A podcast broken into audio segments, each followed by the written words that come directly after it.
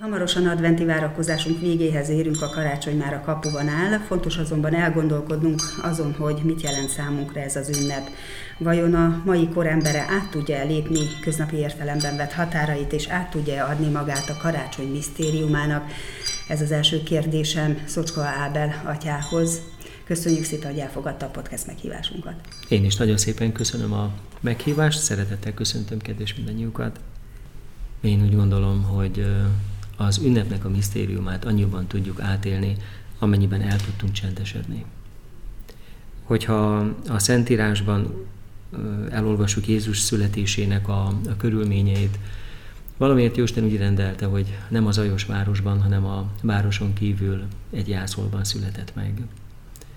Egy csendes estén csendben voltak a pásztorok, csendesség volt a vidéken, valahol a szívünkbe is akkor születik meg karácsonynak az ünnepe, ha el tudunk csendesedni az ünnepre.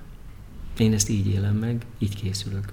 Szeretnék elcsendesedni, hogy abban a csendben, amelyben annak idején megszületett Jézus, abban a csendben szülessen meg most is számunkra. Tehát a görög katolikus hagyományokban az adventre 6 hét felkészülési idő van, és a hatodik gyertya is meggyulladt az adventi koszorún. Milyen hagyományok mentén készülnek a görög katolikusok az ünnepre? Igen, mivel nekünk 6 hét a, az ünnepeletti készület, mi ezt is bőjként éljük meg. Próbálunk egy picit elvonulni, átgondolni az életünket, az Istennel való kapcsolatunkat, embertársainkkal való kapcsolatunkat is, és így készülni a, az ünnepre.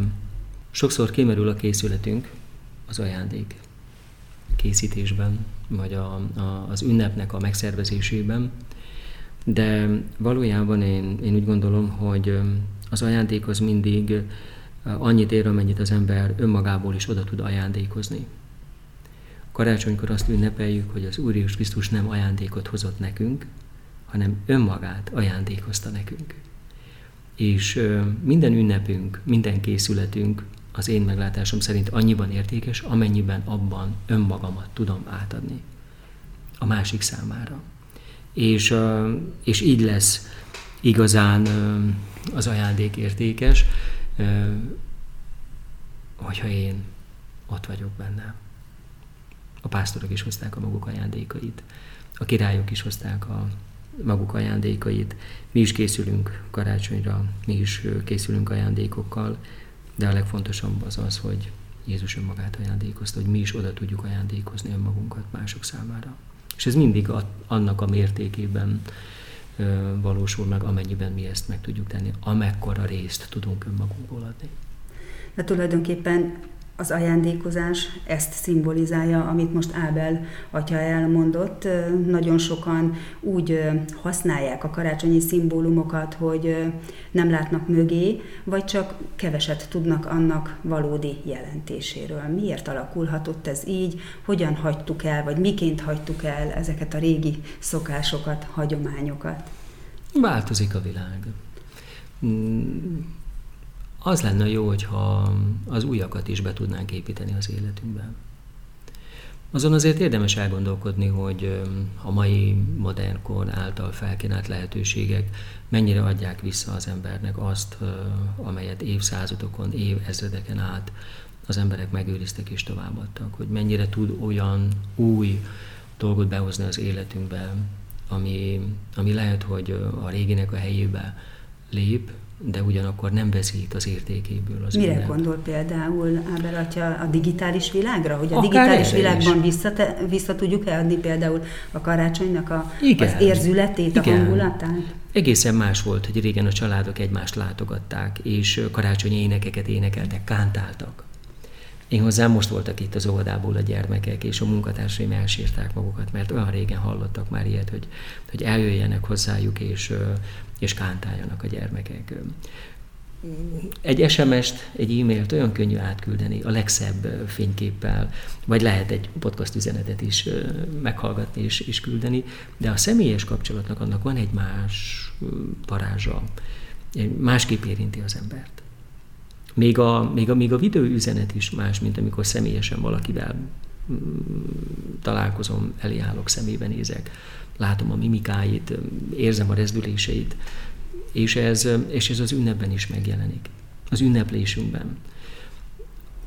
Úgy érzem, hogy a, az elmúlt időszak, a, a Covid-nak a, a, a bezárásai egy picit az embereket elmagányosították, és mintha nem is igényelnék annyira ezeket a, a személyes dolgokat, pedig ennek nagyon-nagyon komoly értéke van az életünkben. És olyan jó lenne, hogyha ez nem, nem, nem kopna ki. Egy telefonhívás, egy, egy üzenet nem váltaná le a személyes kapcsolatot, a személyes megkeresést, a személyes látogatást, a személyes ünnepi jókívánságot legalább családi körben. Ez így van. Ám a digitális világban is láttam én kézzelfogható és nagyon is hasznosítható ötleteket karácsonyvárásra és a Szenteste várására. Ilyen volt például, amikor gyerekeket megkértek arra, hogy olvassanak el egy-egy karácsonyi témájú verset, és no, akkor ki milyen verset vett elő Pilinszki Jánostól, Zsida Jenőtől, Szépernőtől, de ugyanilyen hatásos, amikor meghallgatunk egy-egy karácsonyi dalt, ami ráhangol az ünnepre, és hát a nagyobb gyerekek pedig választhatnak már egy-egy bibliai idézetet is, és beszélgethetnek arról a szüleikkel otthon, vagy akár az iskolában is. Én is hoztam egy idézetet magammal, akié a fiú, azé az élet. Akiben nincs meg Isten fia, az élet nincs meg abban. János evangéliumából való, hogyan jelenik meg az evangélium a mindennapjainkban. Tudjuk-e értelmezni?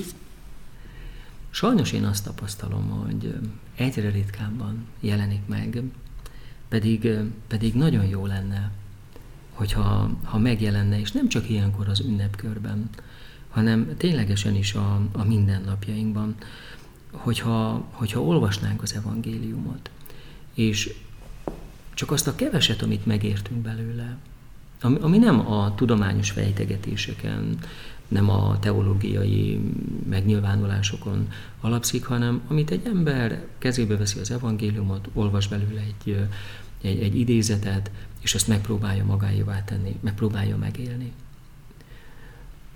olyan csodálatos dolgokat lehetne megtapasztalni az életünkben. Hogyha az evangélium tanítása szerint próbálnánk életünk nehézségeiben, örömeiben, egyfajta mércét ad, mondhatnánk egyfajta emberi tartást ad. Akkor nehézségeink vannak, az evangélium vigasztal, amikor jól mennek a dolgaink, akkor mértékletességreint egyfajta támasz lehetne, hogyha ténylegesen is élnénk vele. És ez, ez nem megy automatikusan. Ezt tudatosan kell az életünk részévé tenni. Erre oda kell figyelni, erre időt kell szánni. Ezzel, ezzel foglalkoznunk kell. És utána tapasztalja meg az ember azt a csodát az életében, hogy, hogy az evangélium életre kell. Tehát az evangélium szerint élni, és az életünkben megtapasztalni az evangéliumnak a, a, a, a csodás működését, az úgy magával tudja ragadni az embert. Én a hivatásomat, a szerzetes hivatásomat köszönhetem ennek, hogy, hogy rácsodálkoztam, rádöbbentem, hogy, hogy ez, ez nem mese, hogy ez nem nagymamámnak a, a, a, az elmesélései, az ő történeteinek a felidézése, amit a Szentírásból olvasott, hogy nem ez egy érő gyakorlat, amit hogyha ha mindannyian próbálunk megélni, akkor ez az életünk részévé tud válni, és hogy hatalmas nagy segítség és erő a mindennapjainkban. Nagyon, nagyon szép lenne, hogyha az evangélium használata visszatérne az életünkben. De ez egy tudatos munka, ez egy odafigyelés.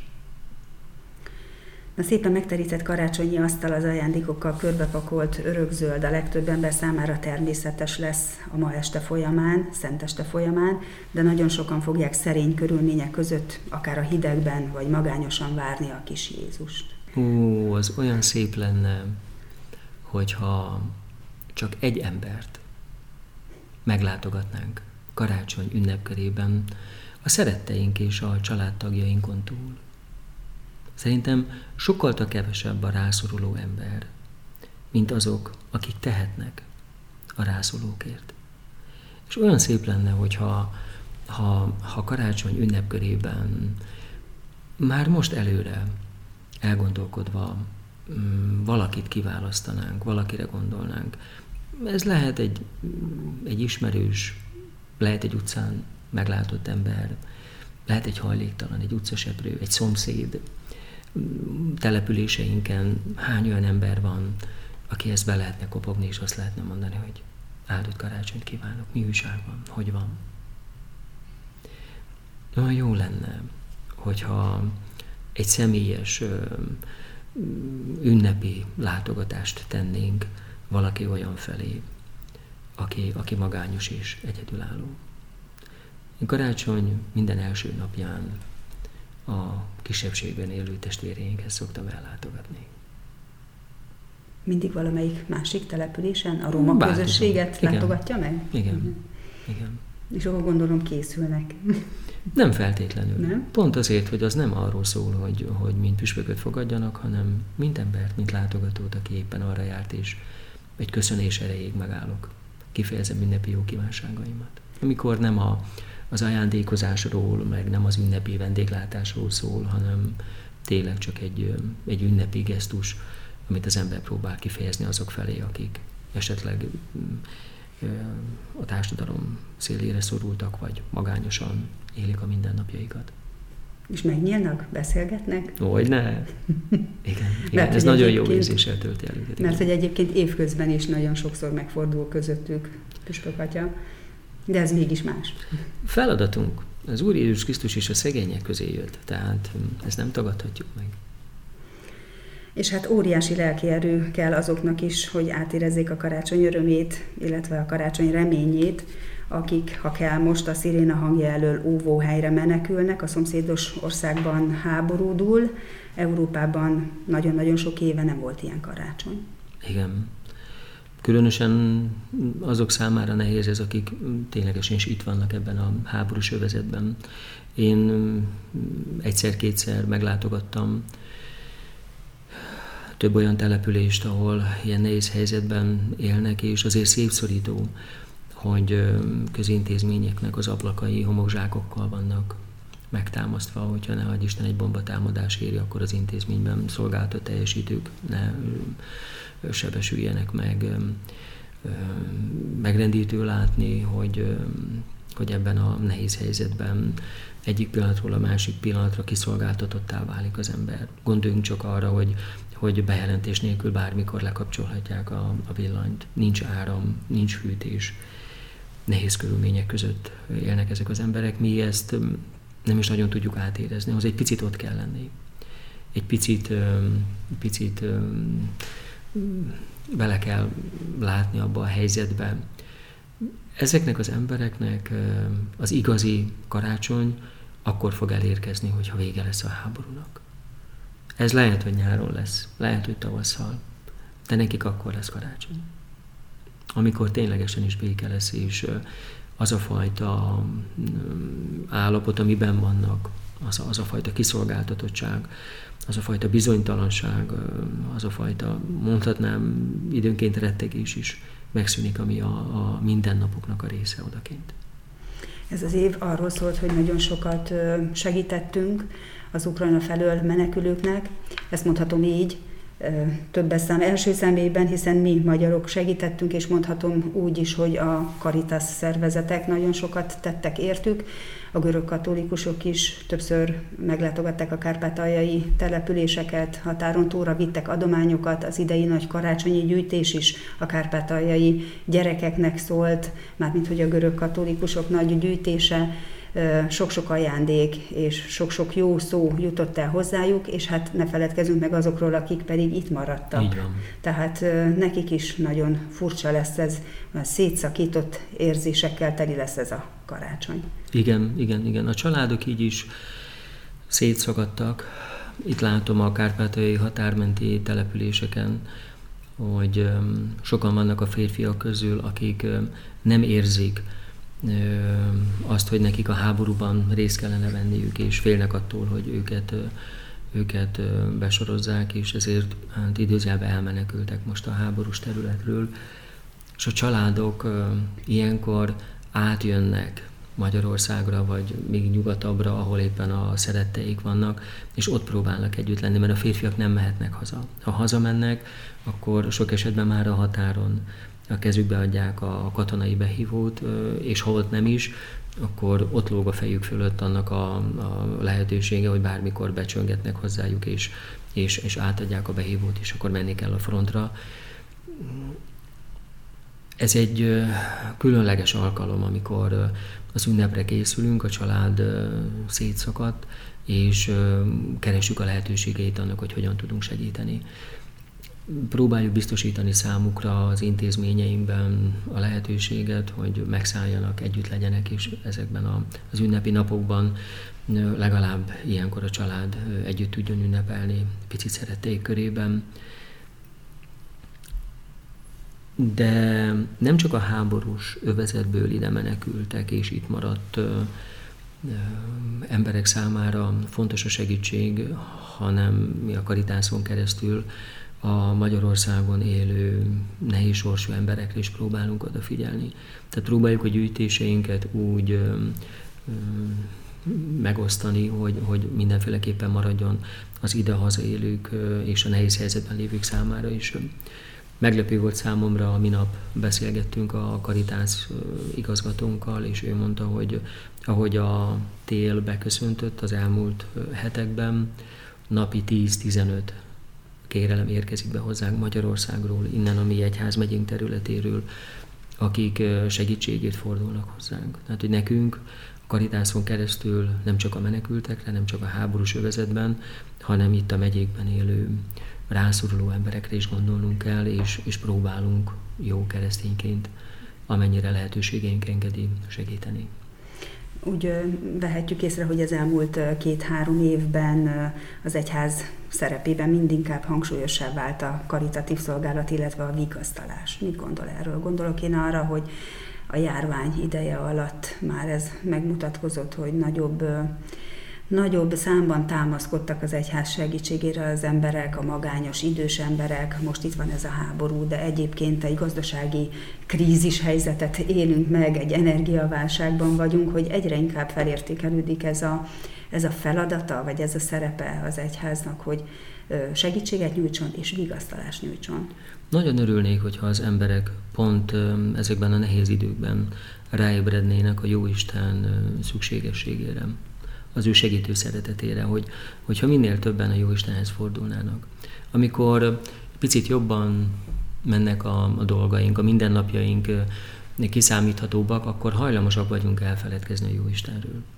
Olyankor azt gondoljuk, hogy hát a környezetünkben rendben vannak a dolgok, meg megoldódnak a dolgok, de pont ezekben a nehéz helyzetekben szembesül az ember azzal, hogy igen, vannak az életünknek olyan szakaszai, amikor az ember hiába próbál erőfeszítéseket tenni, meghaladja az emberi energiáinkat, erőinket, és szükségünk van jó Istennek a vigasztaló segítsége. Ahogyan a történelem lapjait az ember nézi, látjuk, hogy minden egyes nehéz időszak azért az embereket közelebb segítette a Jóistenhez, a Jóistennel való kapcsolatához. Közelebb kerültek az emberek az egyházhoz. Talán ilyenkor ébrednek rá jobban arra, hogy, hogy, hogy az egyház által őrzött hagyományokon, szertartásokon, imádságokon, ünnepeken keresztül milyen sok vigasztaló és erőt adó alkalom van. És ezek, és ezek ténylegesen is a, a mindennapjainkban, hogyha ott vannak, azok nagyon sok erőt tudnak adni. Nem mindegy, hogy milyen lelkülettel éli meg az ember a nehézséget. Az lehetetlen, hogy nehézségeink ne legyenek. Nehézségeink mindig lesznek, mindig is volt a történelem folyamán, és a jövőben is lesznek nehézségeink, de nem mindegy, hogy az ember milyen lelkelővel áll ez elé a nehézség elé. És az Istennel való kapcsolat, az egyházzal való kapcsolat ezt a fajta lelki erőt adja nekünk.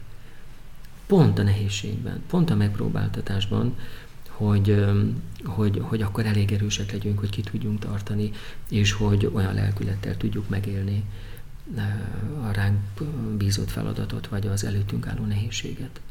És nagyon jó lenne, hogyha az emberek minél hamarabb, vagy, vagy minél, minél gyorsabban ráébrednének arra, hogy, hogy igenis a, a Jóisten az ő segítségükre siet. Hát ez karácsonynak az üzenete hogy az Úr Jézus Krisztus eljött közénk, hogy segítsen nekünk.